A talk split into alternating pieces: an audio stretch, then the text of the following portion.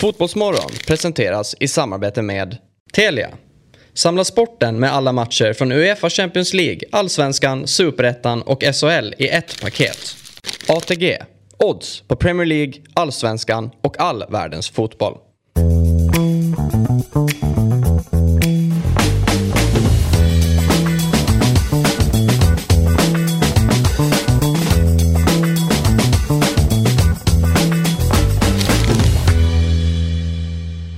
God morgon. Här sitter vi och eh, ni landar in i en, eh, en konversation som är ganska tråkig för er hoppas jag. Så vi kan väl byta ämne Per? eller Låt oss, låt oss. Låt oss. Välkommen hit Per. Tusen tack. Min onsdagsbästis. Ja, Eh, som, var borta för, ja, tack. Ja. som var borta förra onsdagen och det kändes faktiskt tomt. ja du vet vad man säger om unga talanger. De kan inte spela, spela alla matcher för att liksom utvecklas. De måste träna lite också. Problemet Ana- Analysera spelet. Problemet är att du inte anses som ung längre. Nej, nej. Att, men, eh, men talang.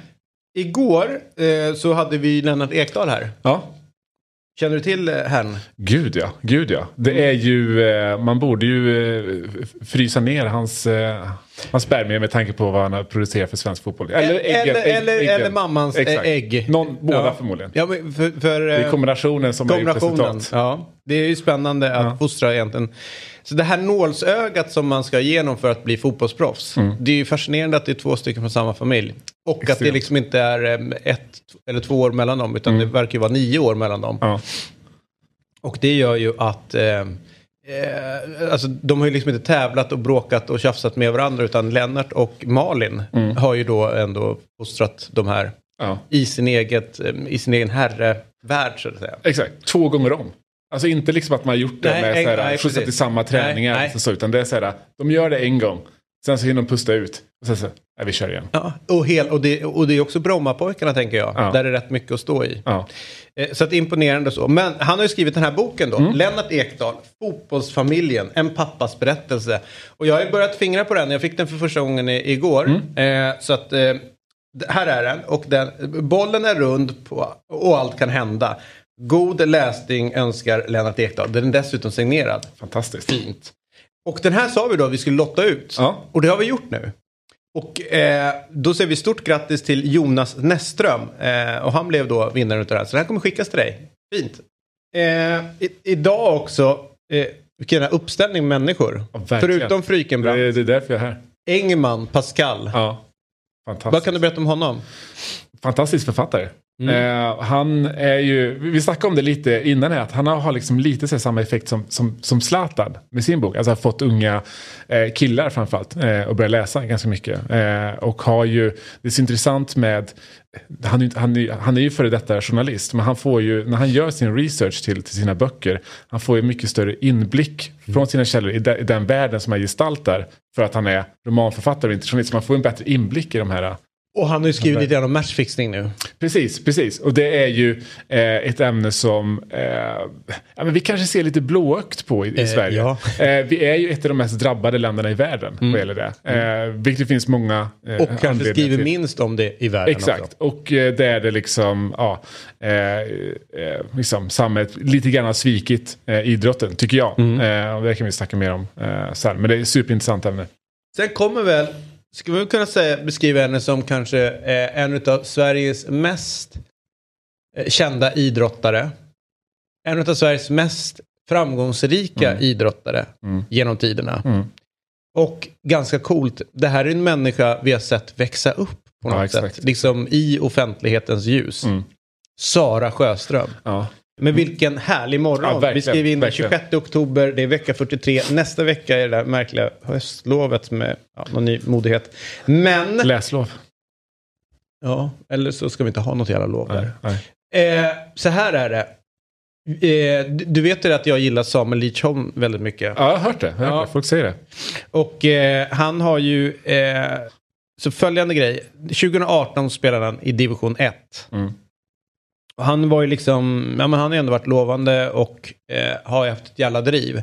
Men liksom jobbat eh, väldigt hårt för sin karriär. Mm. Eh, och försökt liksom söka vägar framåt. Men det har inte varit spikrakt uppåt. Mm. Eh, så att eh, 2019 då, så eh, förvisso superettan, men utlånad igen. Mm. Spelar i division 1. Eh, 2020 samma sak, eh, spelar i superettan.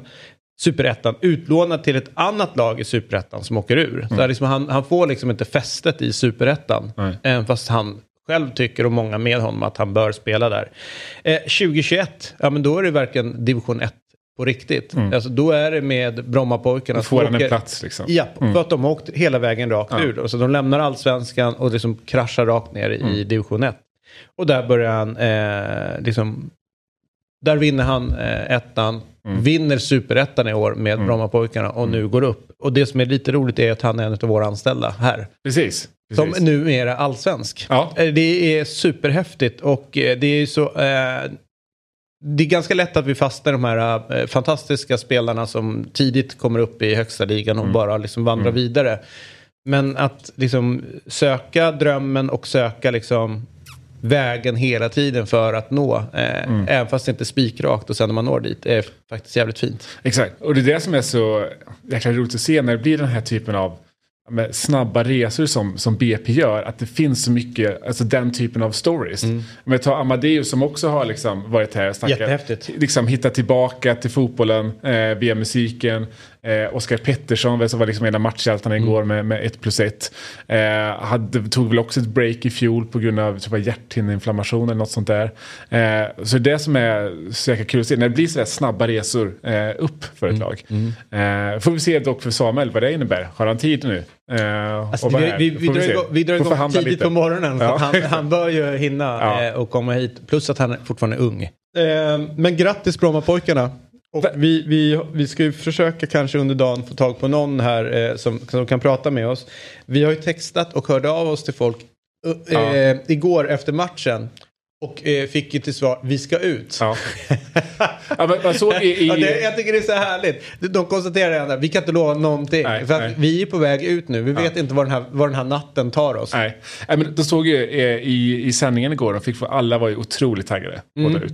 Eh, Blir utgångarna så pass bra då som taggningen på något sätt ger vid handen inför? nej men det kan ju inte bli det en, en tisdag, känner jag. Det är lite Nu, synd. säger, nu är vi inte i Degerfors. Nu Det är vi i sant. Stockholm. Det är sant. Ja. Ja, ex- exakt. Världen Bos- har ju ändå Bosnien kom- världen är lite närmare här i Stockholm. Ja, Ja. Det, det är sant. Det är sant. Eh, nej, men alltså, alltså, Mattias han stod ju där efter och sa nu är, det- nu är det vinna serien som gäller. Så får se hur länge de fick vara ute. Men jag tror att han själv sa att han skulle inte komma hem förrän eh, nu på morgonen. Jag tror att han eh, öppnar upp för någon form av två dagars break här innan de ska Ja. börja fokusera på nästa Ja, match. kanske, kanske. Men det, men det är ju, alltså, med, med BP, det är, ju, det är så roligt. Vad är det nu? Det är nionde gången på tio säsonger som de byter division. Mm. Det är ju någon form av världsrekord, Ja. känns det som. Och i grunden så tycker jag att de underpresterar lite grann. Jag tycker Mm. inte att BP överhuvudtaget ska vara i närheten av varken division 1 eller superettan. Nej, nej. Giv- Givet de... Alltså enligt eh, vissa mätpunkter är de en av Europas största klubbar. Så att liksom, det är i och Ja. för sig bara på, på en mätpunkt. Och Men- men- närområdet motsvarande upptagning för Kalmar och Ja. eh, tror jag Gävle och, ja, men Ja. sådana. så att, och, och där har ju Kalmar ett SM-guld och, Mm. och så vidare. Exakt. Gävle är numera uppe i superettan igen så att, Mm. eh, och låg i väldigt många år i högsta serien. Mm, mm. Eh, men de ska ligga högre upp kan man tycka. För några veckor sedan, kommer du ihåg, eh, Mm. så pratade vi eh, lite grann med eh, Peshman Pars om det som hände i Iran i samband Precis. med då de protesterna som började i landet och att en del fotbollsspelare faktiskt hade gått ut och ställt sig på eh, oppositionens sida eller demonstranternas sida. Eh, och eh, det är ganska lätt så här att man gör någonting Mm. när det är ropet Mm. Och så gör man den intervjun och sen struntar man i det. Mm. Det tänkte jag att vi inte ska göra. Nej, det är Därför att vi. det som händer i Iran pågår varje dag, Mm. oavsett om vi pratar om det eller inte. Eh, och då kände jag att det är vår skyldighet på något sätt att följa upp det. Eh, och eh, det är klart att vi gör det då. Eh, och så jag säger välkommen till eh, Fotbollsmorgon och god morgon Persman. God morgon, god morgon, hej. Du, vad är det som har hänt sen sist vi pratade i Iran? Eh, det har hänt rätt så mycket faktiskt. Eh, vissa hade ju trott att det här som du säger liksom, skulle dö ut. Eh, alltså själva protesterna som har pågått i Iran.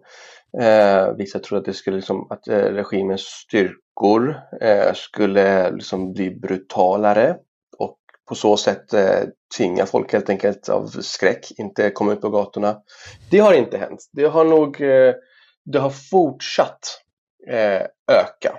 Både i Iran och utanför Iran så har det varit enormt många eh, protester, tyvärr väldigt många dödsfall som har varit liksom avrättningsliknande eh, visade sig av rapporterna med liksom eh, direktskott mot eh, hjärta eller huvud. Eh, brutala misshandlingar. Mm. Det har hänt jättemycket att det är ett stort fängelse i Iran som har brunnit.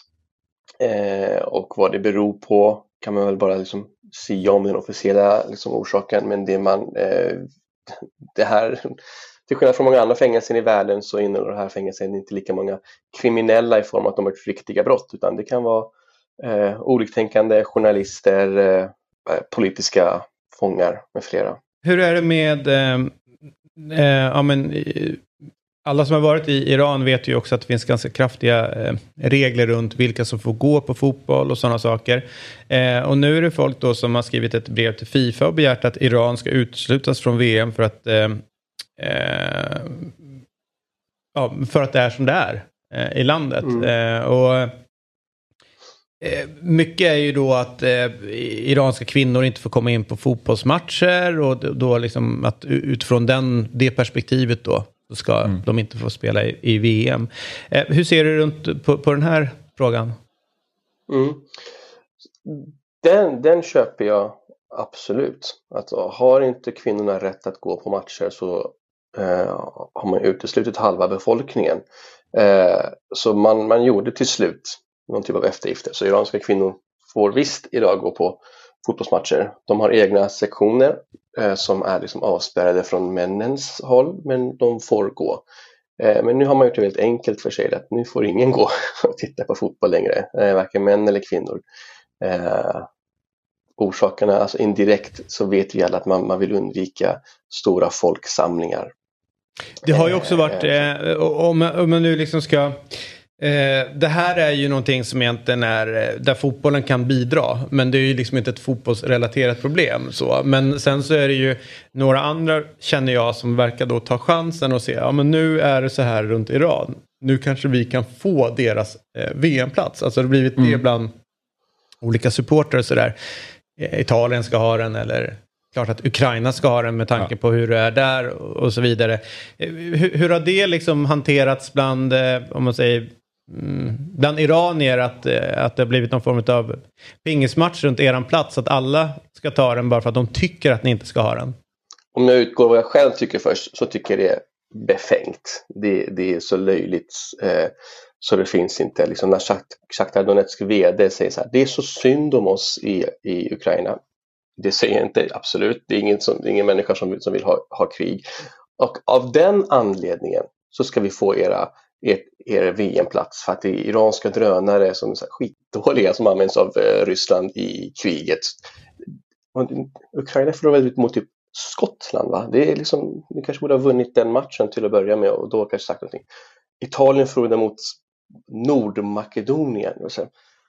Om nu, om nu eh, eh Iran ska fråntas sin VM-plats, vilket jag personligen tycker är fel, men jag kommer till det snart. Om, då borde du självklart gå till något annat lag på, i samma kontinent.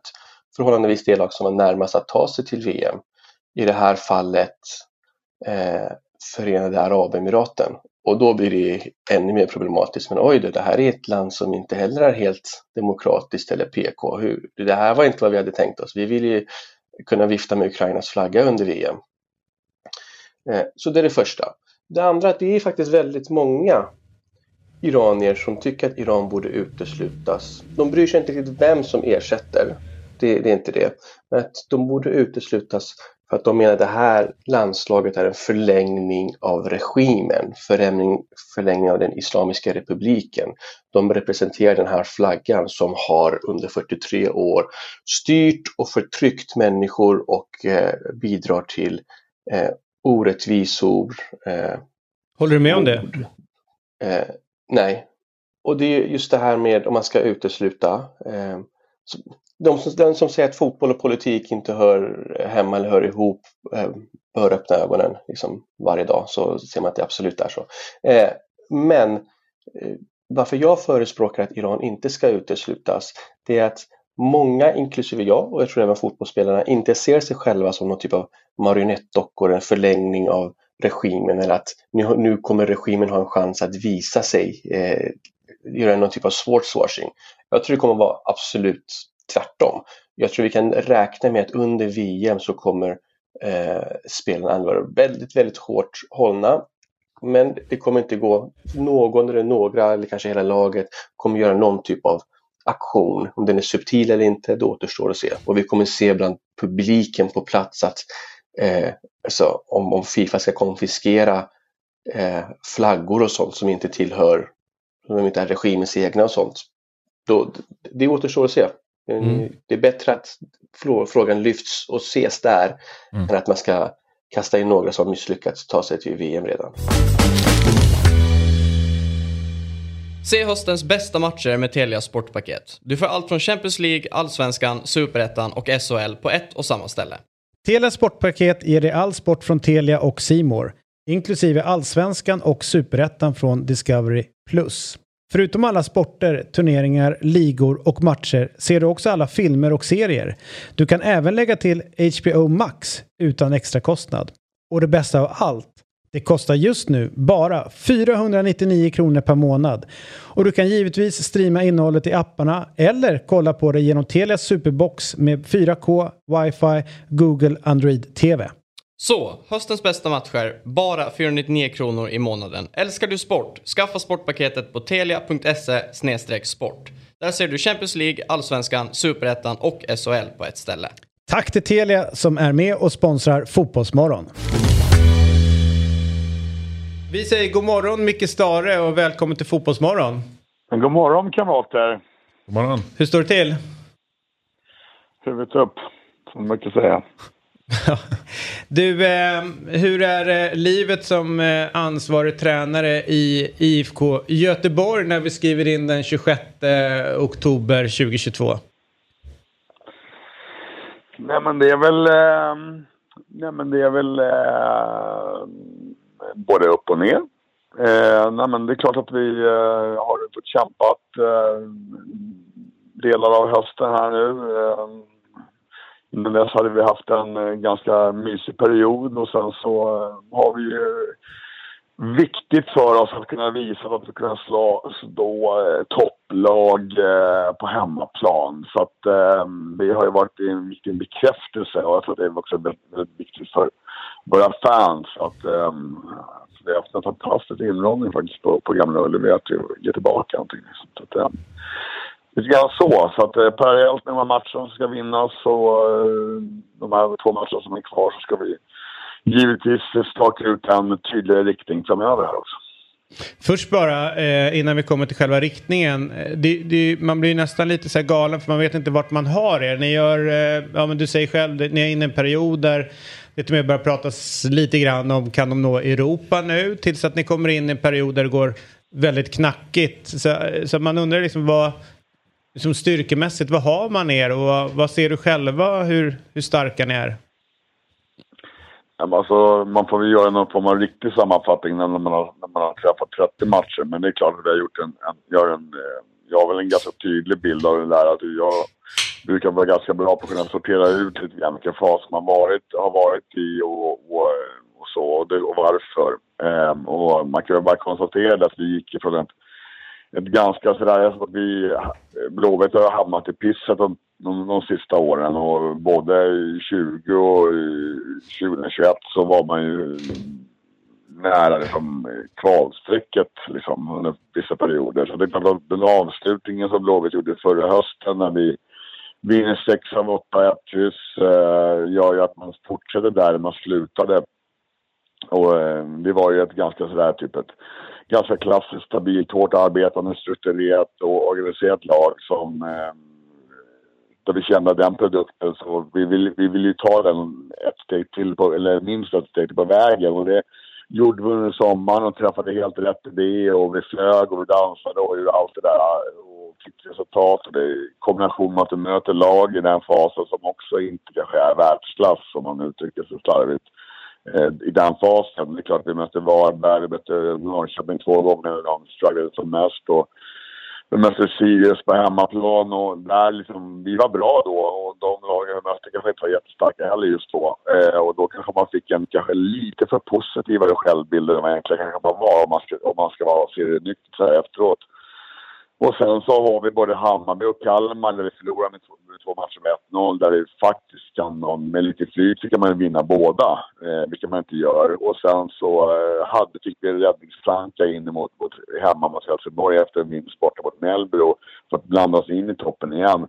Och den tog vi inte, den, den tog ganska hårt på oss. Och, Ehm, och sen så eh, har jag inte riktigt känt igen, känt igen laget sen dess. Och sen så eh, ett par, par veckor där fram till vi då studsade tillbaka och lyckades vinna dem mot både Malmö och, och, och mot AIK hemma. Och det var ju som sagt, som jag sa, väldigt viktiga bekräftelser.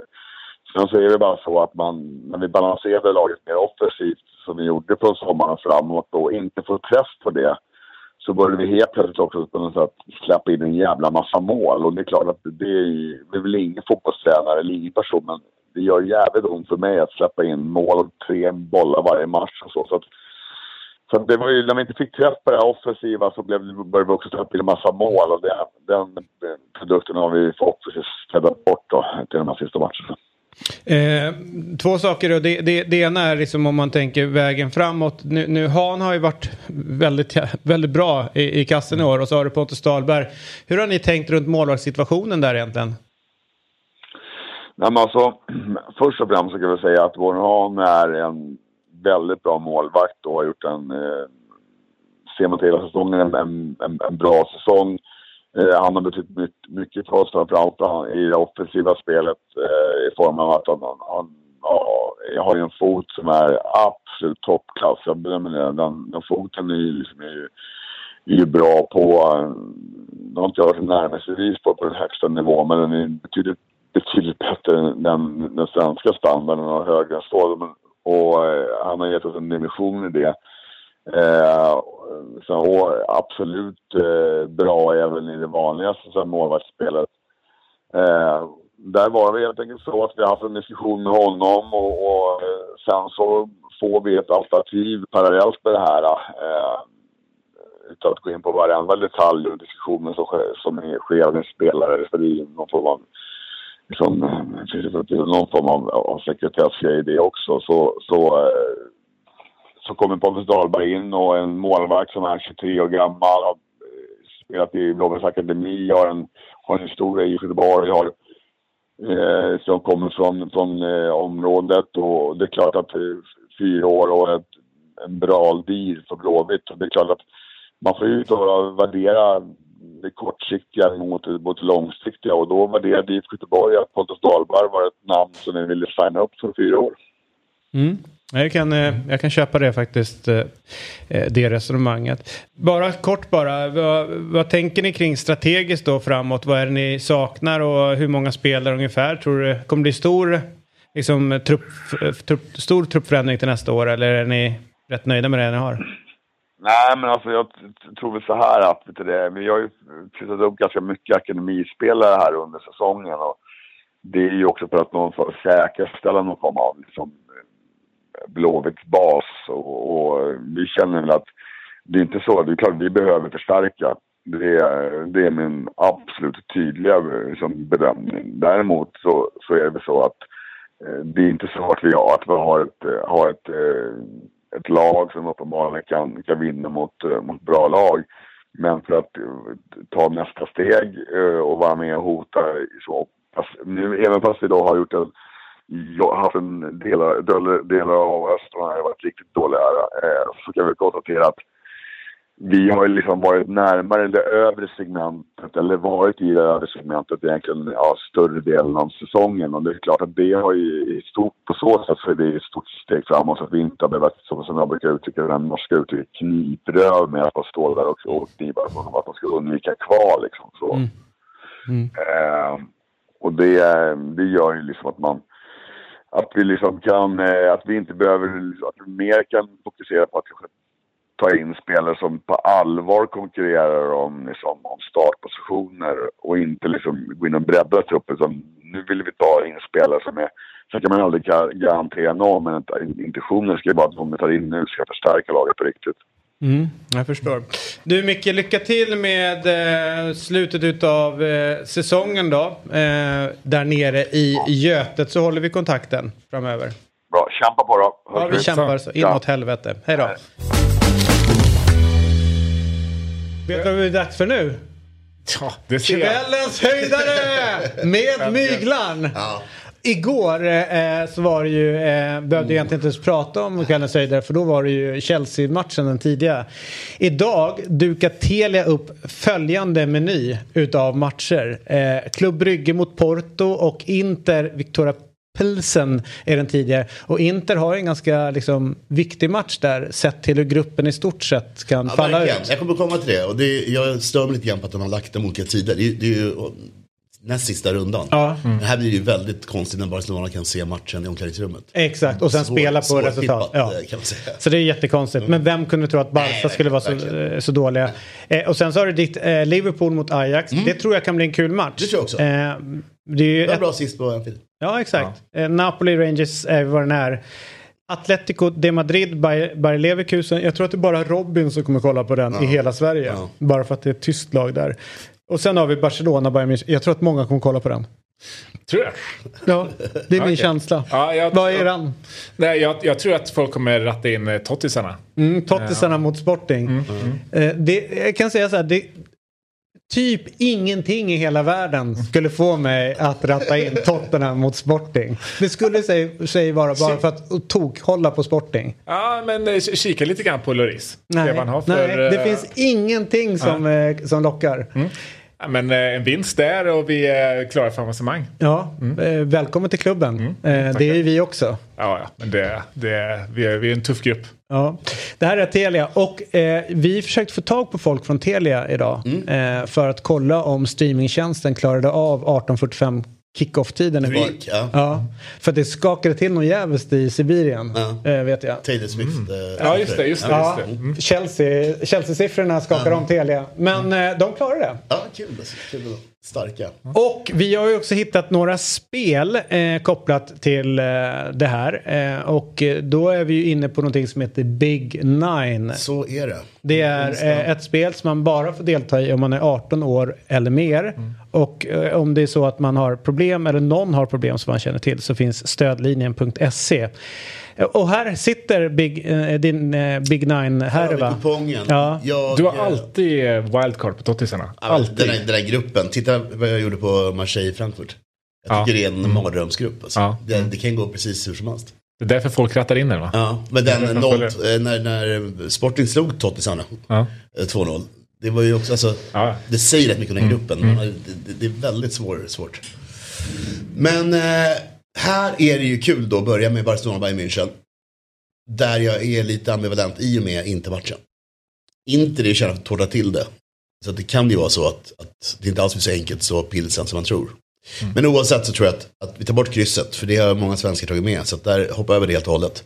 Eh, ett eller två, beroende på pilsen-matchen tror jag. Ajax-Liverpool.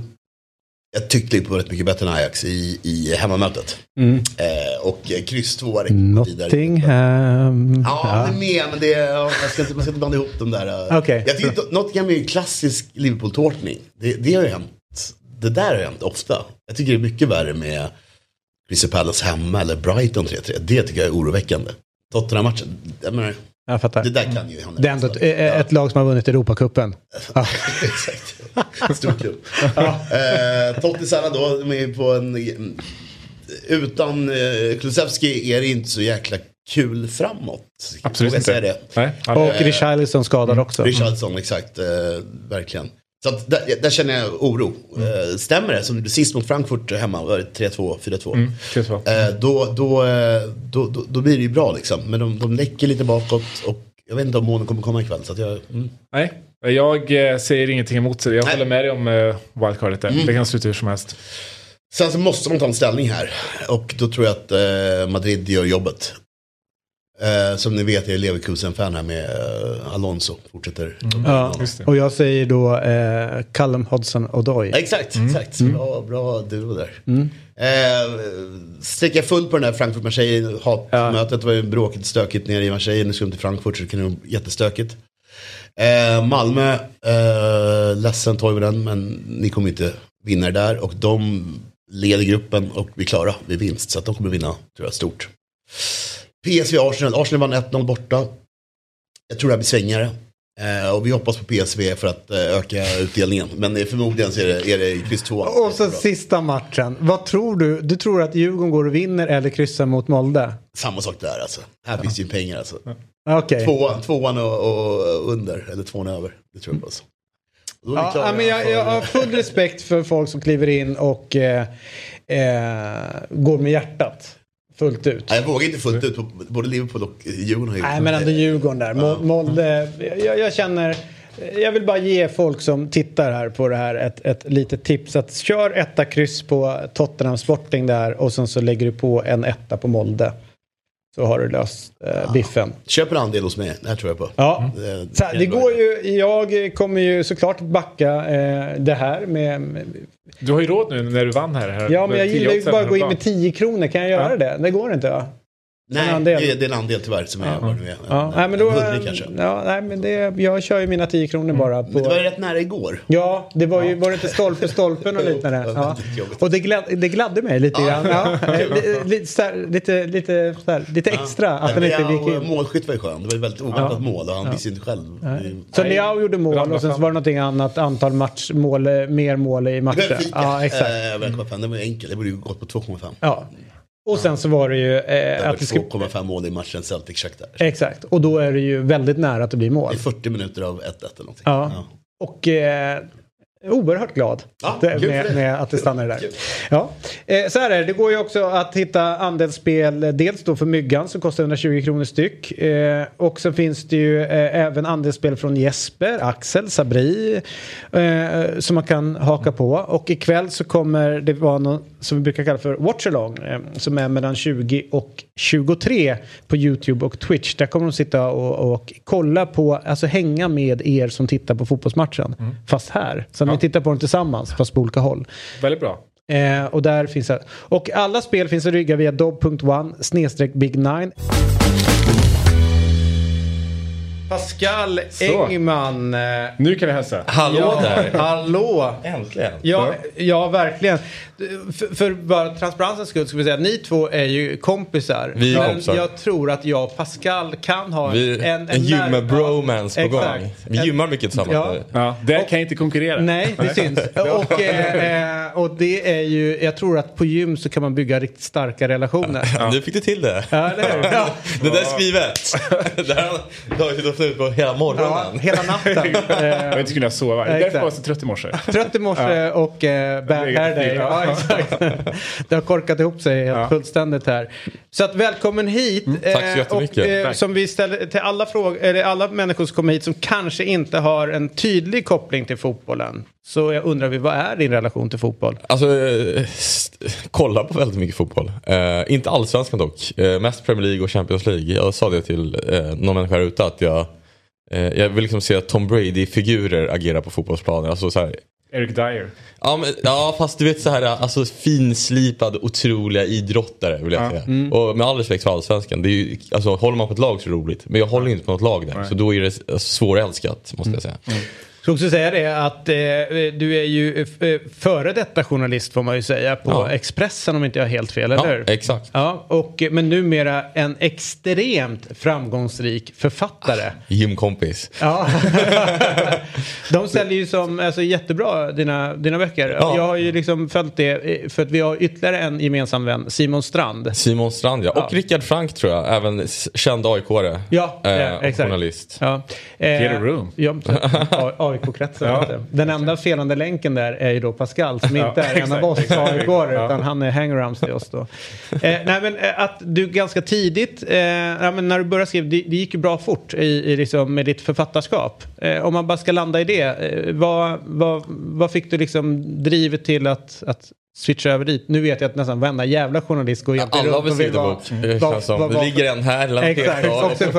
Ja. Nej men det var väl, jag ville väl prova att skriva en bok. Jag jobbade på Expressen och sen tog jag tjänstledigt i tre månader. Flög till Chile, ehm, där min pappa är ifrån. För att försöka skriva en bok. Så skrev jag en bok som heter Patrioterna. Sen innan den ens lanserades i Sverige så var den såld till, jag tror det var åtta länder.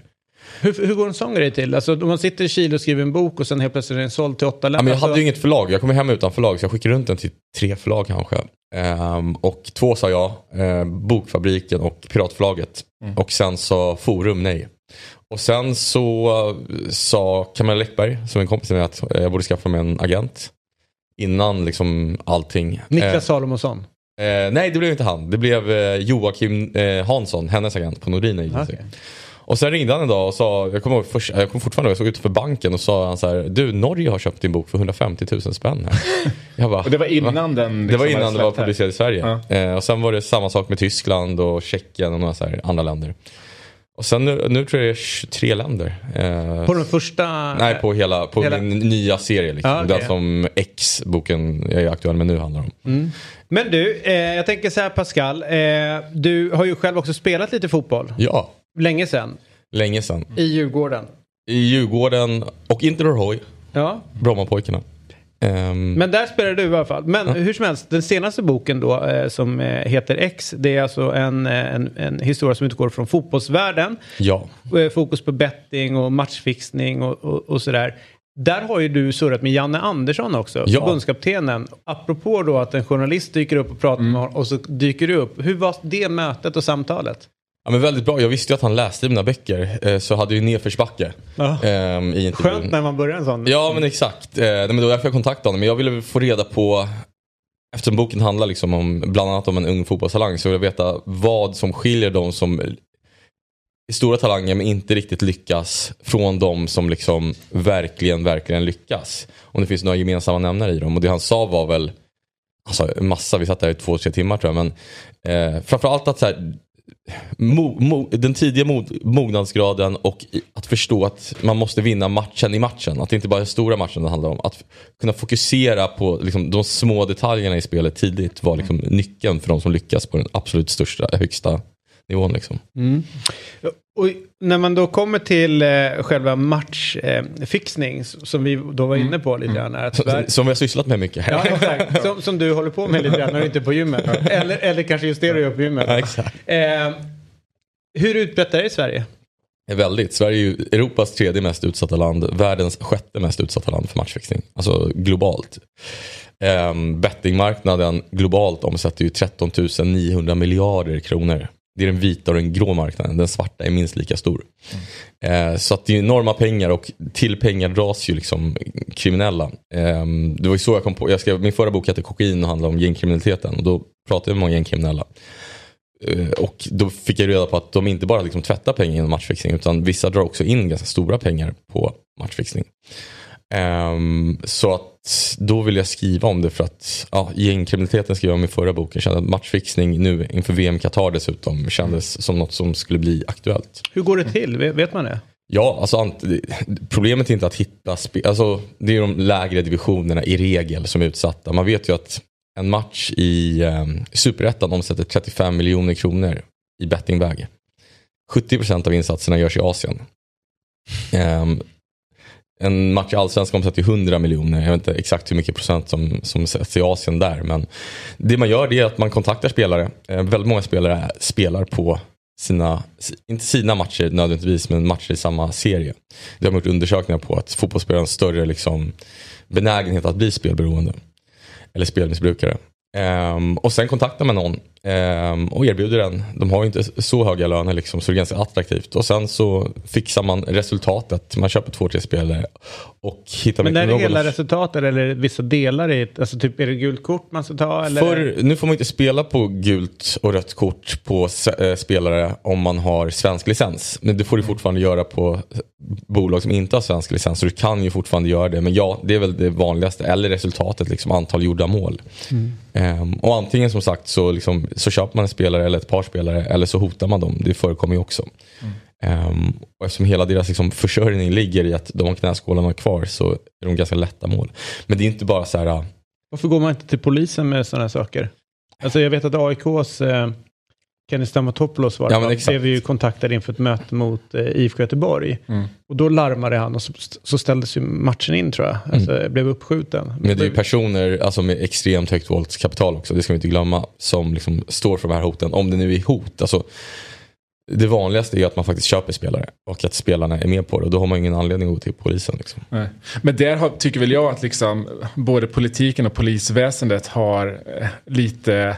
Eh, man har inte stått upp för idrotten eh, här. Inte jättemycket. Det var först för liksom, 2019 som spelfusk fick en egen liksom, brottsrubricering till exempel. Eh, det är väl en av anledningarna till varför det varit så liksom, vanligt här. Nu kommer det nästa år kommer en ny lag. In, men det är väl mer för att liksom, ja, göra lite enklare med, med liksom, eh, själva utredningarna för, för polisen. Där, så. Men sen är det ju alltså, det är ett brott som är jäkligt svårt också att bevisa. Alltså, ni har väl spelat fotboll? Alltså, att bevisa att en kille har tagit exempelvis ett gult kort i en närkamp medvetet eller inte. Hur bevisar du det? Alltså, de två, tre gånger när någon har fällts då har man ju liksom gedigna kontotransaktioner innan. Och då liksom, Fast det är ju fortfarande någon sorts indiciemål. Liksom, för att man, de har fått in pengar på ett konto innan och efter en match. Och ja, då har väl rätten dömt så att då, det faktiskt, de antar att det är så. Men alla som spelat fotboll vet hur svårt det är. Liksom. Ja, men hur, varför gjorde du inte så här i den här situationen? Ja, det fanns 3000 sätt att lösa den här situationen på och jag valde det här.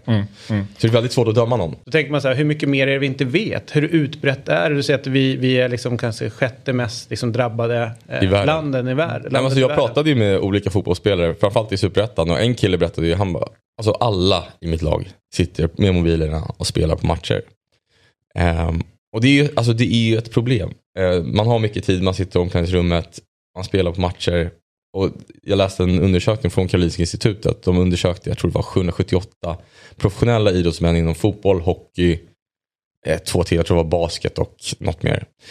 Ehm, en fjärdedel av eh, de hade problem, det som kallas problemspelande eller riskerade att få det. Värst var det inom fotbollen och hockeyn tror jag. Det du har fått fram när du har, när du har liksom intervjuat. Hur många matcher tror du där vi sitter och säger wow vad fan var det som hände där är egentligen, ja men det där är uppgjort. Alltså det vet jag inte. Det, Men, men, ungefär, men om, du, här, om ni båda två ska spekulera, om, du, om vi är så hårt drabbade, det måste ju vara rätt mycket matcher då som, som vi sitter Alltså jag vet inte allsvenskan men superettan, de lägre divisionerna, ja en, en hel del ska jag säga. Men jag, jag tänker inte, jag tänker inte killgissa det alltså. Nej, det men det får Per Men, göra. Ja, men, men, men spo- alltså, schweiziska Sportradar, eh, som är de som har rankat de här, de har väl liksom, för de får en utslag på, eh, liksom när de säger att ah, men här är det definitivt fusk det handlar om. Och det har det varit så, alltså ända sedan 2013 har det ju alltid varit utslag i Sverige. Ja, ja. Eh, och som mest har det varit liksom runt ett, ja, men ett 50-tal. Och då kan man tänka sig, det finns förmodligen ett liksom, lika stort mörkertal Ja, ja. där. Eh, så det är ganska, ändå ganska mycket vi snackar om. Ja, ja. Nej, men verkligen. Och det finns ju liksom en Uefa-lista med flaggade svenska fotbollsspelare. Mm. Är det inte- som ja. är, och, och, som är eh, Den är inte Offent- off- Nej, den är inte offentlig. Jag kommer inte ihåg om det var Uppdrag granskning eller DN som har sett den. Men eh, Att de ses som lite handelsresande i fusk liksom. ja, och det är spelare som spelat i allsvenskan, varit på landslagsnivå. Ehm, så ja, det, alltså det är utbrett. Och det, alltså, men som sagt, det är svårt att bevisa. Du kan ju inte förlo- för, förbjuda betting heller. Liksom. Men jag tänker så en anledning till varför det är så vanligt att liksom, eh, peka ut Sverige, gå mot Sverige, kan det också ha att göra med liksom, alltså vår grad av digitalisering. Att det är så lätt att följa, liksom, vår tredje division kan ha ganska stenkoll på vad som händer liksom, sekund för sekund. Ja, det tror jag är en av anledningarna. Men också att vi har varit jävligt naiva. Jag tänkte ja, nästan jo, kolla det. Vi absolut, har ju fan absolut. blundat för det här. Jag, jag, så vi, vi- jag borde inte bli chockad, så blir jag chockad. Nu kommer du hit och bara, "Ah, är det sant? Stämmer det? Alltså, jag har ju varit ett helt liv i det. Och Mm. nästan, och de, nästan varje gång det har dykt upp och varit Uppdrag granskning och så här, så har ju hela fotbollsrörelsen sagt, ah, är det möjligt? Här? Det trodde vi inte. Alltså, Mm. att det, det är alltid någon annanstans som det är mycket värre än just i Sverige. Men jag, jag blev intervjuad av Off- Offside inför lanseringen och han sa det. Han bara, problemet är att så här, vi försöker skriva om det här men det är ingen som bryr sig så mycket. Nej. Alltså, så det här genererar, alltså fotbollsälskare vill ju inte att fotbollen ska se ut så här och då blundar man lite för de nyheterna. Eller man tror Ja. inte på det. Man tror Alltså, inte på det eller att- så liksom blundar man lite ja, för det. Det är alltid någon annan match, Ja. något annat land, men inte där där jag är. Liksom. Ja, men exakt. exakt. För man har ju pratat, alltså nu i och med en ny regering och, så, så har man, och det blir regeringsbildning så pratar man ju ganska ofta liksom, utifrån så här, ska vi ha en idrottsminister eller inte. Eh, och jag själv är väl inte liksom helt eh, på det klara om vi borde ha det eller inte men det här är väl faktiskt en Idrott sån- och hälsa vill jag ha. hälsa. Ja, ja. Eh, men här är det ju faktiskt där en, det finns finns en, ett, ett skäl för att ha det. Att säga, det här är ju en fara för ganska många svenska klubbar. Ja, men absolut. Eller för hela, hela vår idrottsrörelse om man, om man ska liksom dra det för länge. I och med att den är så byggd på den ideella och att det, här ska liksom inte vara en del utav det. Nej. Exakt, exakt. Någonstans. Och att vi har varit så här, alltså, som sagt, det var först 2019 det här blev liksom, ja, fick en bra- brottsrubricering. Nu ska man försöka förstärka det lite. Ja, men det var ju då man tog bort kommer- att man inte får spela på gula och röda kort på enskilda spelare till exempel. Precis, precis. Så det finns ju, eh, alltså, det finns ju lång väg att gå med tanke på hur sent vi har vaknat. Ja, för svenska klubbar. Nu kommer hon ju, Sara Sjöström. Yes. Kvällens huvud, eller dagens huvudgäst. Nej, nej. Vi väljer, Jo, ju. ja, vi väljer att egentligen inte eh, dela upp eh, huvudgäster. och så. Välkommen Hallå, hallå. Sara. Tackar. Eh, simmerska som har vunnit fler VM, EM och OS-medaljer än vad man kan räkna till. Jag tror att det är 89 mästerskapsmedaljer. Vann första EM som 14-åring. En av Sveriges främsta idrottare någonsin, hävdar jag. God morgon. God morgon. Välkommen till Fotbollsmorgon. Tack. Vad gör jag på fotbollsmorgon? Så här? Det blir simmorgon här Ja, exakt. Det kanske blir det nu. Lite grann. Men eh, som vi ställer till alla eh, som kommer hit, som kanske inte har en tydlig relation till fotboll. Men vad har du för relation till fotboll? Det går på tv ibland. Mm. Eh, Nej, men jag har växt upp med mycket fotboll. Eh, Både min eh, eh, pappa och storebror är liksom trogna AIK-fans. Mm. Och eh, det, det är jag också nu. Ja. Vi- på grund av det. Liksom, man har följt med dem mycket på matcher och ja, men när de kollar på fotboll på tv har jag också eh, suttit med dem och kollat och sen även min eh, fästman Johan är uppväxt i Solna så han är också Fan, Så det är väl det Um, den största relationen till fotboll jag har. Och det sjuka, första gången man såg eh, Sara komma fram som 14-åring så kände man ju att hon hade liksom något klokt i blicken. Ja. Något, något sunt med sig. Ja. Kände Som vi det här- saknade, Ja, liksom. eller Ja. hur? Och Ja. tänkte man så här, en AIK-are, antagligen. Ja. Jag tror att det är det. Ja. Och Ja, mycket det- riktigt så det var är inte det. det jag ja. såg. Ja. Ja, det var inte det Nej, du såg. nej, Nej, nej. nej. men det var det jag Ja. gjorde. Eh, men du, eh, jag tänkte att vi... Eh, jo, en annan rolig grej är ju, kom ihåg att du och jag pratade om det, det här med att eh, olika eh, organisationer så här, kan försöka kidnappa någon. Alltså om man blir tillräckligt känd så vill typ AIK i det här fallet då att du ska vara världens största AIK-are. För att du någon gång har sagt det i någon bisats, ja men det är väl AIK. Eh, Så att du har ju liksom, du kanske blivit utskriven som, alltså större AIK än kanske det var AIK betytt i ditt liv. Jo men kanske, men eh, man vågar inte säga så mycket. Nej men eh, jag har ja, följt det lite grann sådär men jag är absolut ingen fotbollsnörd som sitter och kollar varje helg på Varför? Har du bollsinne? Nej, nej det har jag faktiskt inte. Jag önskar jag hade det. det jag tycker det är, så, alltså, det är så kul att spela fotboll. Älskar det. Det spelar ingen roll om att jag, alltså, att jag är så sjukt dålig på det. Jag tycker att jag är väldigt bra på så här, att eh, dribbla bort bollen från andra. Men sen vet jag inte vad jag ska göra när jag väl har bollen. Nej. Spelförstörare. Ja, väldigt bra, Bra. spelförstörare. Ganska så här kraftig, stor, ettrig liksom. Och, men sen när jag väl har den så, så måste jag sparka jag bort den någonstans och så Ja, Allsvenskan. Ja, allt Där fick du det. Bara att så här, okej, du. Men du, jag tänkte så här, då kan du undra, men vad, vad gör du här? Jag tycker att det ändå finns rätt mycket grejer och det Pascal någonstans började med eh, när du pratade med Janne Andersson lite grann. Eh, varför lyckas vissa? Eh, och om man då kollar på, ja, men det är 89 mästerskapsmedaljer, alltså det, är, det är en sjuk radda eh, medaljer du har tagit. Du har vunnit egentligen allt som går att vinna. Men känslan jag har haft när man har lyssnat på dig det är att du inte har haft den här eh, från du var jätteliten att du ska bli bäst i världen, verkligen. Men varför, vad tror du att det gör som att du har lyckats så pass bra som du ändå har gjort? Ja, alltså det har ju aldrig varit en självklarhet att jag ska lyckas tänker jag. Så det man inte ser är ju att själva tävlandet och medaljerna och så, det är ju mindre än en procent av allt jag gör. Så det är mycket motgångar på träningen, både mentalt och fysiskt och det är tufft att liksom varje dag göra de där träningspassen man ska. Så det är klart att eh, man känner ibland att ah, nej, men varför ska just jag vara den som står högst upp på pallen när jag kommer till den här tävlingen. Det finns säkert någon som har tränat bättre, någon som är starkare. Och så, här. så jag är ganska hård mot mig själv ofta. Eh, så det är därför jag känner så här att det är, ja, det är svårt att förstå varför just jag lyckades ibland. Men eh, jag vet ju att jag har ju gjort ett otroligt hårt jobb och jag har förmodligen fysiska förutsättningarna för att eh, ha lyckats och sådär. Så att, eh, men ibland är jag väldigt så här, ja, men, lite negativ innan eh, tävlingarna och tänker liksom att kanske skulle gjort det här och det här annorlunda. Liksom. Eh, så det känns ganska overkligt ibland när man ser alla de här 89 mästerskapsmedaljerna på pappret. Men jag tänker också säga att det måste finnas, för du nämnde det att, viss, att de, eh, det Janne berättar då att vad folk som lyckas, vilka steg de gör eller vilket mindset de har. Eh, ja, exakt. Runt det hela. Vad... Ja, men att, de, att de framförallt kan vinna matchen i matchen, det är ju en lagidrott mm. i och för sig. Men att de, alltså i, man kan säga åt unga fotbollsspelare och, och märka om de liksom har fotbollsintelligens på att säga, ja men ta bort den här killen i den här matchen. Eh, så här, taktiska direktiv, att de kan ta det tidigt de liksom kan utveckla ja, men, spelförståelse och allt sånt. Eh, så vinna matchen i matchen, men det finns väl kanske ingen motsvarighet i simningen. Eller? Ja, nej, men jag är ju aldrig riktigt rädd där att gå ut och tävla och liksom eh, men redan från när jag var väldigt ung så spelar det ingen roll om de eh, som jag tävlar mot har simmat snabbare än vad jag har gjort tidsmässigt. Simning är ganska lätt så att man, mm. man jämför tider om jag har en snabbare tid eller du har en snabbare tid och så.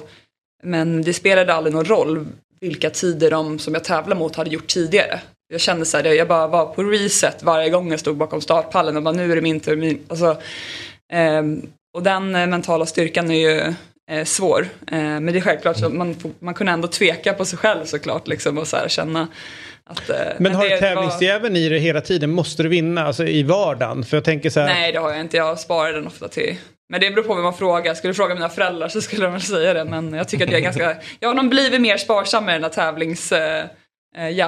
Eh, så. Det känns ju omöjligt att bli så bra och inte ha liksom, vara förjävlig på Monopol. Ja, exakt. Alla säger det. Ja. Ja. Nej, kanske när jag var yngre, men eh, nu har jag ganska dåligt tålamod att spela sådana där långa ja. spel. Man har rätt kort, eh, eh, kort tålamod för alla sådana långa spel. Det är, de övriga landslagen de sitter ofta och spelar så här, eh, spel som tar rätt lång tid och så mellan tävlingsdagarna, men jag hänger på om vi kör något eh, kortspel som går fort liksom. Ventia eller stress. Ja, men lite sånt tycker jag är roligare så, så är det över. Men jag tänkte på en sak, när man, eh, i, om man då ska försöka koppla upp lite grann med fotboll. Eh, Liverpool går ganska tungt nu och då säger alla så här, de ser trötta ut eller de ser mätta ut. Mm. Det är liksom någonting man, man nästan alltid återkommer till. MFF samma problem. De här Christiansen, han är nog bäst i ligan, mm. men han är antagligen mätt. Mm. 89 mästerskapsmedaljer. Eh, det är ingen som börjar prata om att du är mätt på det sättet. Men hur gör du för att liksom hela tiden eh, eh hitta drivkraften att fortsätta att utvecklas, fortsätta att vinna när du har vunnit allt som går att vinna? Men av någon anledning så är det många som tror att jag redan har slutat. Jag får ganska ofta frågan. såhär, ja men jag vet inte, jag var simma EM för två månader sedan och någon nyligen bara, vad gör, vad gör du nu för tiden liksom? såhär, nej men det är ganska vanligt såhär, att det, det, det sker nästan varje dag. Man träffar någon i simhallen till och med när jag har tränat. Så, vad, vad, vad gör du nu? Ska du liksom har du inga tävlingar? Så här, jag bara, nej. Inte just den här hösten men eh, om typ ett halvår är en tävling igen. Liksom. Nej men eh, det är Ja, vad var frågan? Liksom? nej, men det, ja, drivkraften, att liksom så här, trots man har vunnit ja, allt, fortsätta nej, är, liksom att ta jobbet och, och liksom ja, men Det har blivit en vana nu att bara göra det här. Det här är ju liksom lite av mitt jobb. Så att, eh, lite av mitt jobb? Ja, det är, mitt, det är mitt jobb. Och så att jag är så van att gå upp på morgonen och ha mina rutiner och åka till simhallen och göra det eh, simpasset som jag ska, gå till gymmet och sen käka lunch och sen är jag ibland klar efter lunch och kan göra andra grejer och ibland är det träning igen på eftermiddagen. Men jag är så van att ha de där rutinerna och tycker det är häftigt att eh, liksom pressa gränserna. Och jag känner att, jag, jag tror att anledningen till att jag har, har en så lång karriär också, att jag är ganska bra på att veta när jag ska ta ett steg tillbaka också. Jag vågar liksom ta ett steg tillbaka när det, när det är tungt eh, mentalt eller fysiskt på träningen så det behöver inte alltid gå 100% utan ibland är det bättre bara att få lite träning gjord.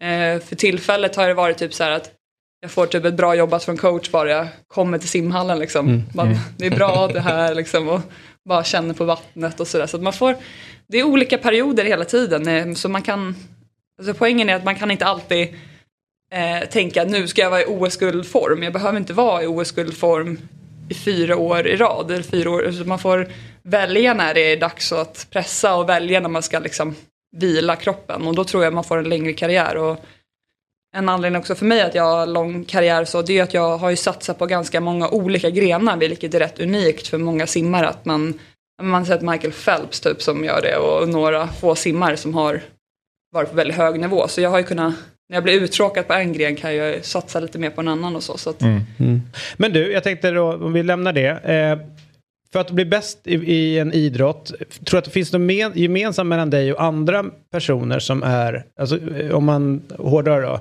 Ronaldo, Messi, Sjöström, alla ni som har blivit bäst i er sport någonstans, och fotboll och hockey och så vidare. Tror att ni har någonting gemensamt? Finns det någonting som, eh, någon form av X-faktor? ja, som, det, det hade varit intressant att, om någon kunde forska i det. Det är riktigt, det tror jag nog, absolut. Eh, svårt att sätta fingret på vad det skulle vara liksom, men eh, alltså det, jag tror, på ett sätt har jag, har jag tänkt så här, många idrottare blir ju sporten en form av en besatthet nästan. Alltså det är helt otroligt hur mycket tid man kan lägga på någonting. Alltså en ganska liten grej egentligen. Alltså idrott är ju stort för en personligen men det är, i det stora hela är ju det är ganska litet och, och flera av de bästa idrottarna och många andra idrotter också lägger ju så otroligt mycket tid på det där. Eh, så man måste väl vara lite besatt av det för att man ska eh, kunna nå en viss nivå och sen, ja, sen kanske man kan säga att det är alltså, fysiska förutsättningar som man föds med kanske som, eh, som kan påverka ganska mycket. Och det mentala också är någonting som är eh, viktigare än man tror. Vad, vad tror du att det beror på att, jag menar, vi har pratat i det här programmet ganska mycket om att ja, men, talangutvecklingen inom fotbollen och, och liksom, hur ligger vi till och hur kanske vi ska göra för att fostra bättre spelare. Men simningen är det ju, alltså, vi får ju fram hur många världsstjärnor som helst känns det om hela tiden. Vad är det vi gör i Sverige när det gäller träningen där? Eh, är det mängdträning eller vad, vad är det som gör att vi är så framgångsrika? Men Sverige är väldigt bra på, alltså det är svårt att säga, det är nog olika vart man är i Sverige och så. Men, eh, ehm, men jag tror så här, vi har bra spridning i Sverige på, vi har några riktigt duktiga simmare i Skåne och, så, och då blir det ju att de har förebilder där. Och, ehm, eh, sen i Stockholm har vi ju, de flesta som bor i Stockholm tränar ju typ på Eriksdalsbadet så att vi har ju ja, världsstjärnor som tränar där tillsammans med unga simmare. Så att då blir det ju hela tiden att man har eh, den där, eh, men man har stjärnan omkring sig. Och, ja, men det är ju inte så att jag går, och jag har en egen simhall liksom. Jag tränar ju tillsammans med, i samma bassäng som juniorerna eller så. Så att det blir ju på något sätt att man har Men ligger vi långt fram vad gäller träningsmetoder jämfört med andra länder? För vi är fortfarande de invånare vi har och ändå är vi en stormakt inom simning men i många andra sporter så är vi inte det på samma sätt. Jag tror vi är bra på teknik och kvalitet när det kommer till träning. Och, och fys, alltså att många tränare har bra koll på ehm, liksom den eh, fysiska delen. Så. Är det tidigt och elitsatsning också inom simningen? Att det, min bild är eh, när jag var på skola att de som höll på med gymnastik och simning, de tränade fan mycket. Och ti- från, ti- från, ti- från tidig ålder. Alltså det var innan de kom till skolan så hade de varit iväg och tränat och sen så drog de ju direkt efter. Ja, men jag tror Där det, var Det inte var ju tidigt liksom i skolan man kunde säga du simmar. Ja. För de var liksom... Blöta de var håret. starka. Ja, blöta håret. Blöta ja. håret, Ja. Ja, men de var starka. Ja. Liksom. Ja men det är ju så, många simmar i väldigt tidig ålder och eh, man ska inte vara, jag tycker man behöver inte vara rädd för att träna mycket simning. Jag kan inte prata för andra sporter men i tidig ålder så därför att simning är relativt skonsamt jämfört med om du skulle hålla på med löpning eller fotboll. Då kan du inte köra ashård fotboll både morgon och kväll men på simning behöver du en annan typ av belastning. Du behöver göra morgonpass och kvällspass när du är ganska ung. Alltså jag ska säga när du är eh, 13 år i alla fall. Så man måste såklart ha en progressiv ökning i träningen. Du kan inte gå från att köra två simpass i veckan till att helt plötsligt köra åtta simpass. Men om du, om du varje liksom, säsong och varje... Om du säger att du börjar simma när du är 10 kanske du kör ett pass och sen kanske du kör två pass när du är 11. Sen nästa, ja, men sen kanske tre pass eh, när du är 11 och ett halvt. Men du vet, alltså det att man hela tiden har en liten, liten ökning. Eh, I träningsbelastningen är nog ingen, alltså i volymen då. Ja. Eh, Så det, det tror inte jag är så farligt i simning framförallt. Men, och när man är liksom 14 där, hur många, hur mycket, hur många pass är det då? Alltså när jag var 14, det var också extremt, men jag körde, och även de jag tränade med, jag körde med flera i min ålder. Mm. Jag tränade ju inte med de, så många äldre under den tiden. Vi körde liksom 7-8 simpass i veckan. Mm. Så det var mycket, det är ungefär vad jag gör nu fortfarande. Mm. Så det blir ju inte så, alltså, sen när man väl kommer till den nivån, det blir inte så att man ökar antalet pass så mycket längre. Mer än att man kanske lägger till styrketräning. Det blir mer att man eh, jobbar mer eh, belastning på träningen såklart. Det är Mm. det som ökar med åldern. Att man, det blir tuffare pass och, och så. Eh, mer Mm. För det, det, det, det skiljer sig gentemot fotbollen, tänker jag. Mm. Alltså, alltså volymen, träning. Det är liksom inte många Ja. 14-åringar. Nu var ju du en Men- exceptionell 14-åring. Men ändå, alltså, det är inte många eh, eh, alltså, fotbollsspelare i den åldern som har liksom åtta Ja. träningspass på en. Nej, nej. Och man ska komma ihåg många av de här riktigt, Det- riktigt tuffa serierna, alltså träningspassen som det är sånt som jag gjorde när jag var yngre som jag inte skulle klara idag. För det gör inte lika ont när man är ung. Att liksom pressa sig Mm. till en viss nivå när man är ung, Nej. tycker jag. Eh, alltså jag kunde simma, när jag var 13 kunde jag simma 1500 meter fjäril, alltså 1500 meter fjäril utan att stanna. Det är sjukt. Eh, Och bara simma fjäril vill jag tillägga. nu, nu idag, om jag, nu blir jag helt slut om jag ska försöka simma 50 meter fjäril på träningen. Jag klarar liksom inte det längre, för Nej. man blir ju tyngre när man är äldre och när man är Ja, sant. mindre så är det liksom, det, det är inte så jobbigt att så här, pressa sig i vattnet. Det är inte farligt. Och, det- eh, men det beror på vem man frågar Ja. eh, såklart. Men, eh, Men jag tänker, när, när det är så mycket träning, det måste finnas, alltså för någonting vi pratar om här inom fotbollen är att eh, det, det, det finns liksom inte tillgång till anläggningar. Nej, det är ju Och det som är problemet, Men, men det är inte alls fallet inom simning, jo, alltså, jo, det är eller? ett jättestort problem. Ja. Det är, alltså, många av de simhallar som vi har runt om i Sverige, de håller ju på att falla ihop också. Det är liksom, eh, underhållet av simhallar är så extremt dyrt. Mm. Eh, så att det, det är absolut ett problem i många, på många ställen i, i hela Sverige. Det är, det är därför han är SSB, du vet bostads... Battalion. Mm. Det är ju det alla kommuner har problem med. Det är dags att bygga nya simhallar och, och så. Det finns inte pengar för det. Nej. Så de eh, försöker ju resa pengar på annat sätt. Men jag tror, jag tror i längden är bättre att man satsar på att eh, ja, men ni bygger nya simhallar som har bättre hållbarhet än de som är. Liksom. För det, det kommer bara kosta för mycket och, och man, ju längre tiden går desto mer pengar måste de lägga på att underhålla de här gamla, gamla simhallarna runt om i Sverige. Så det är bättre att man bara Mm. gör nytt. Det blir nästan billigare i längden sen tror jag. Men Ser du det lite som en risk för liksom, simningen att det är så här? Alltså att det nedgångna så att det inte görs tillräckligt med investeringar? Alltså, man ska ju komma ihåg också att det finns ju ingen sport man egentligen måste kunna. Simning är den enda sporten man måste kunna. Folk måste ju lära sig simma. Det, är- så är det. Och det måste finnas tillgängligt för eh, alla att simma. Och, eh, det ska vara tillgängligt för simskolan och, och man ska kunna motionssimma tycker jag. För att Mm. liksom bibehålla den här simkunskapen. Och, eh, ja, men det är också häftigt om man kan börja satsa mer på eh, fler simklubbar ska kunna få mer träningstider också. För det tror jag är ett problem i många ställen i, runt om i Sverige att de inte får de där träningstiderna som de kanske... Man kanske vill att deras ungdomar ska få ett eller två träningspass mer i veckan men det går inte för det finns inte den, de träningstiderna för dem.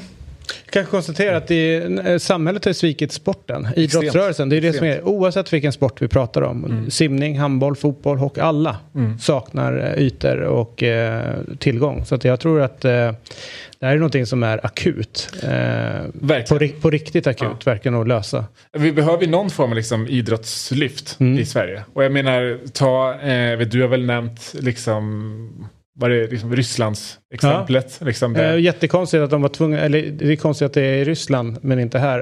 Eh, under VM så frågade jag, det är massa nybyggda områden och så här, det är ju det är fotbollsplaner överallt och så här, nej, men om man bygger ett nytt område så utifrån så är det så här x antal personer, då måste du bygga lekpark, eh, fotbollsplan, utegym, ja, alla de sakerna. För att folk ska kunna röra på sig. Annars fick du inte bygga de här områdena. Och- Och det är ju, om de lyckas ha liksom fattat Mm. eh, och inte riktigt här. Och, och med skolor och, och sådana saker. Så att det är ju... Ja, det, det är ju Nästan så borde det ingå en eh, simhall till varje skola. Liksom. Ja, men, det är ja, inte. alltså en behöver inte ens vara en idrottshall. stor nej, simhall. nej, en eller idrottshall och liten, liten simhall, idrottshall. Alltså det, bygg det. För det, Ja. som du säger, du måste göra det. Och vi, har, alltså, vi har ju varit bra på det här i Sverige. Eh, och har blivit sämre på det. Jag menar idag, liksom, tänker, nya skolor, det har ju larmats om att så här, eh, väldigt många skolgårdar får inte ens naturligt solljus. Eh, det är finns liksom- skolor utan skolgårdar. Ja, exakt. Om vi börjar där. Exakt. Det, Eh, och sen så har vi, jag menar, jag menar, om vi tar mm, kulturen liksom, vi är ganska duktiga på att lyfta den. I alla fall. Där har vi liksom enprocentsregeln där Mm. i liksom, eh, det offentliga kring att ja, men, eh, varje liksom, eh, investering i byggprojekt ska lägga liksom 1% av det till, eh, till kulturella investeringar och liknande. Men det nu var det länge sedan jag var liksom involverad i kommunala detaljplaner. Men det lik, alltså, motsvarigheten till liksom idrott och hälsa finns ju inte riktigt eh, på samma sätt. Och det, eh, ja, vi kan väl hoppas att vår nya idrottsminister eh, lys- lyssnar på oss. Härligt! Du, vad, det, visst är det så? VM nästa år va? Eller till vintern nu i vinter? Alltså nu är ju simning är det ju mästerskap hela tiden. Ja. Det är ju, det är ju, simning är ju lite känt för att det är mycket tävlingar. Eh, men det är extra mycket nu eftersom att alla tävlingar som sköts upp under Ja, pandemin, pandemin ska köras nu eh, blir av. Plus de tävlingarna som redan var planerade under den här tiden blir av. Så att det har ju varit ja, lite inflation i simtävlingar eh, ännu mer än vanligt. Så att det går ett VM i kortbana i december som jag inte är med på. Nej, så jag, valde, jag hoppar ett, en, en av hundra tävlingar. Och då tror alla att det har slutat? Ja, exakt. Ja, jag, bara, jag missade ett kortbane-VM. Ehm, och, eh, ja, Men det är långbanor som är grejen, Ja, precis. Och VM i Fukuoka, Japan, går i juli. I nästa sommar, 2023. Sen är det OS i Paris. Mm. Så, och det här VMet i Japan, det skulle ju ha gått 2021 egentligen. Så det har skjuts upp två Är år. Paris det sista? Ser du slutet där eller är det, ser du bortanför Paris? Nej, jag ser bortanför Paris. Mm, vad bra. Ja. Härligt! Tusen tack för att du kom förbi Sara. Tack så mycket. Eh, och lycka till eh, med allt framöver. Man snackar ju så jävligt om honom att det här är en kille som har ja, men, kompetensen, kunnandet, alltihopa, men framförallt skallen. Att, han, att han fanns där redan från, från start. Men nu är det inte många matcher kvar för Ola Toivonen och jag tycker det är lite tråkigt. Och Ola, vad känner du? Känner du lite vemod nu när karriären typ är slut? Ja, det är det väl. Eh, jag vet inte riktigt vad jag ska säga om det, men eh, nej, men allting har väl ett slut och eh, det har väl känts under eh, senaste tre månaderna att man eh, det krävs ännu mer av mig för att eh, jag ska hålla den nivå som jag tycker mig själv är värdig och eh, det jobbet blir eh, jobbigare varje dag eftersom jag inte spelar regelbundet då och eh, när jag väl ska vara redo så känner jag att jag inte som sagt håller den nivå som jag själv vill och som jag mig själv tycker är värdig då. Eh, just därför så är det ett rätt enkelt beslut att eh, ställa skorna på hyllan då. Eh, det, då det verkar vara kroppen som säger nej och inte skallen riktigt med att drivet känner man ändå ilskan och, och liksom viljan att vinna är bilden att du fortfarande har kvar när, när man ser dig på plan. Ja, men det är väl, eh, det är väl den som tog mig genom att överleva så många år i Europa att eh, ingen skulle vinna över mig på träning eller att eh, ingen skulle vara bättre än mig på träning. Eh, ingen skulle få ta min plats. Eh, det kvittade hur ont i kroppen jag hade eller eh, i en fot eller så. Jag skulle spela för jag var rädd att eh, någon annan skulle ta min plats då och eh, det kommer nog, även om jag slutar så den som spelar tennis eller paddel eller schack med mig den eh, kommer jag fortsätta vilja vinna här. Du, eh, kommer du ihåg när, eller det är klart du kommer ihåg, men jag, jag kommer ihåg när du kom fram. Då pratade man ju om dels talangen Ola men även då liksom eh, skallen och att han kanske var lite för hetsig. Kände du att liksom ditt eh, Eh, ditt mentala kanske passade bättre utanför Sveriges gränser. Att där blev du snarare en tillgång än att eh, jag tyckte det var lite häftigt att du liksom en, nästan alltid på något sätt har gått din egen väg. Du har alltid liksom haft jäkligt stor integritet. Eh, men att det kanske inte var liksom helt acceptabelt i, i svensk fotboll när du slog igenom?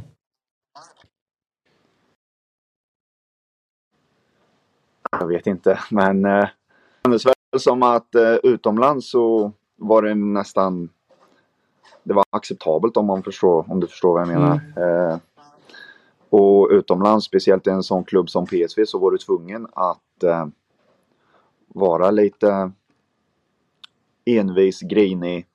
För det var många andra profiler i laget där som, eh, som var likadana. Och eh, det var en eh, perfekt match för, för mig att komma ifrån, eh, ifrån Degerfors och Malmö och till PSV då. För eh, det känns som att kravbilden var liknande.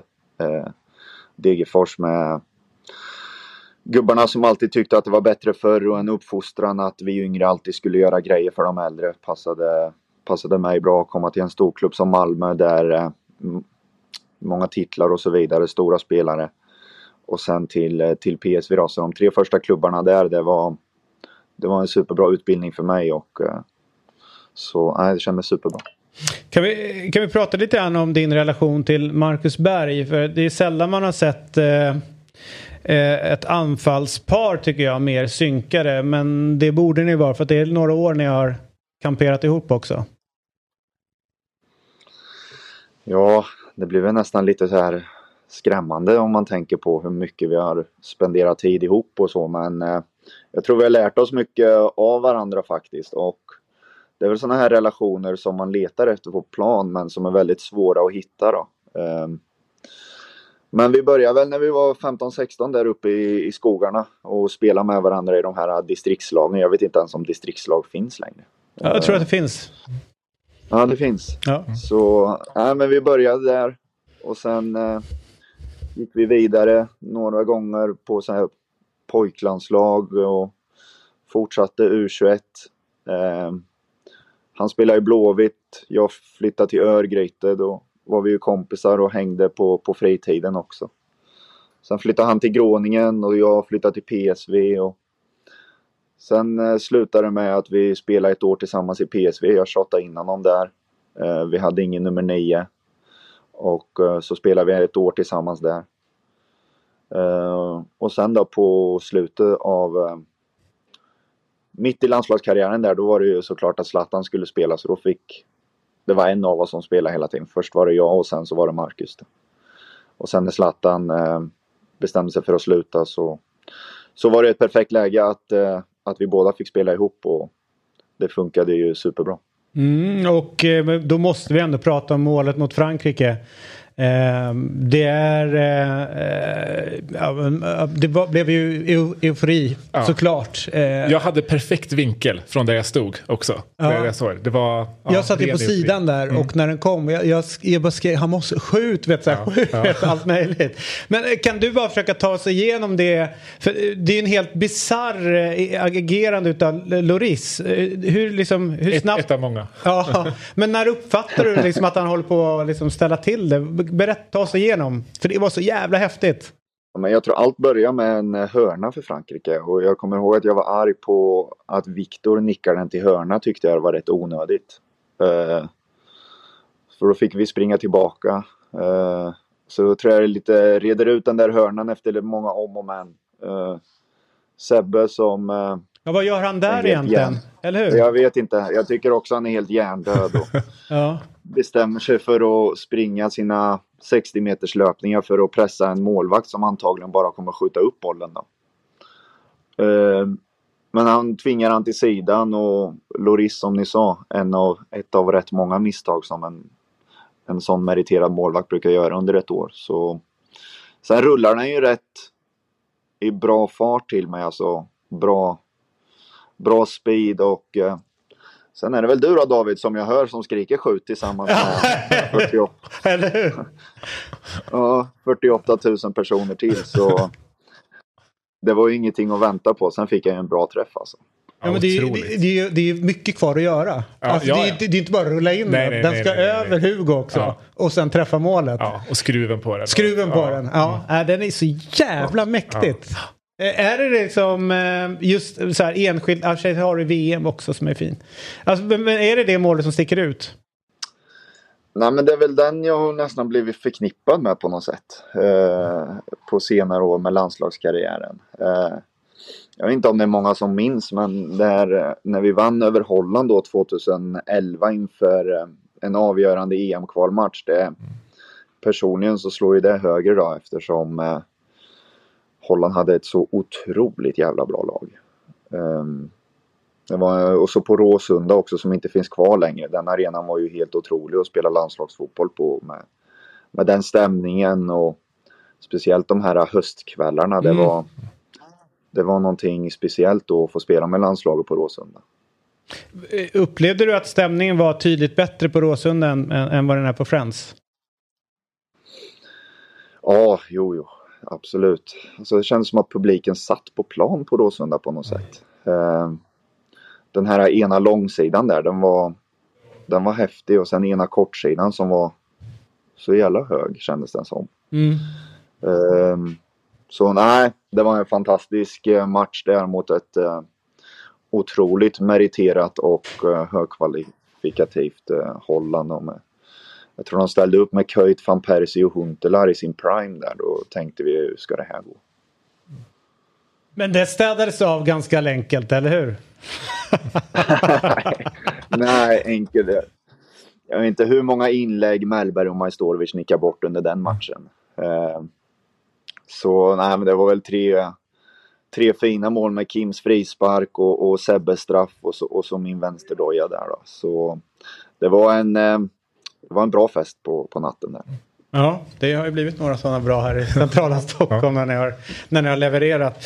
Du, vad kommer du sakna mest då nu när du, när du lägger ner? Nej, men att vinna. Det är ju en, eh, en känsla som är beroendeframkallande nästan. Mm. Eh, Jag sa det i någon intervju här förut att gå, gå till träningen och, och vinna en avslutsövning eller vinna ett spel och, och, och sen bygga vidare det och sen få, få avsluta veckan med att och gå in för publiken och, och vinna och, och komma hem då. Eh, det är ju någonting eh, man har skapat under, under hela karriären. Och, men sen samtidigt så får man glömma det och så är det en, alltid en ny match runt hörnet. Så nu när man vinner sin, sin tennis eller paddelmatch då kan man leva på det lite mer dagar kanske. Du Ola, eh, tusen tack för, eh, för det du har eh, gjort i landslaget och grattis till en, en eh, fantastisk karriär får jag ändå säga. Eh, nu har du några matcher kvar men vi passar på och säga det lite grann i förskott. Verkligen. Super, tack så mycket. Och tack för att du var med den här morgon, morgonen. Hej då, Ola Toivonen. Imorgon är podden tillbaka. Tror du att den blir lika matig som idag? Det är, det är bra svårt svar. att toppa. Ja, det är bra svar. Mm, bra svar där. Men jag tror att de kommer göra ett försök. Ja, Jag tror att Jesper är här. Han har fyllt år. jag Niklas att- Niemi är här. Mm. Eh, Ja, men han, gör, han går in, alltså en del av hans födelsedagsvecka är att gå till jobbet Ja, okej. under två timmar, sen gå härifrån. Det är starkt ändå. Eh, och eh, från sju till eh, nio som alltid på YouTube, Twitch och Dobb.one. Och sen så kommer den ju ut om några timmar idag och även imorgon efteråt. Som podd där poddar finns. Det var det hela. Det var det. Kul. Snyggt Och vi säger god morgon. Nu ska jag gå och spela tennis. Hej då! Fotbollsmorgon presenteras i samarbete med Telia. Samla sporten med alla matcher från Uefa Champions League, Allsvenskan, Superettan och SHL i ett paket. ATG. Odds på Premier League, Allsvenskan och all världens fotboll.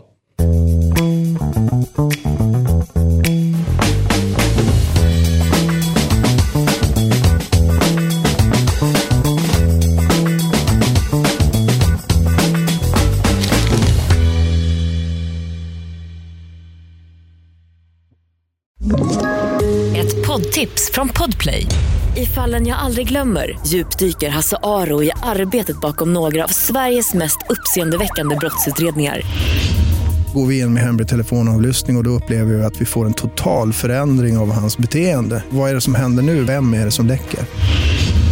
Och så säger han att jag är kriminell, jag har varit kriminell i hela mitt liv men att mörda ett barn, där går min gräns.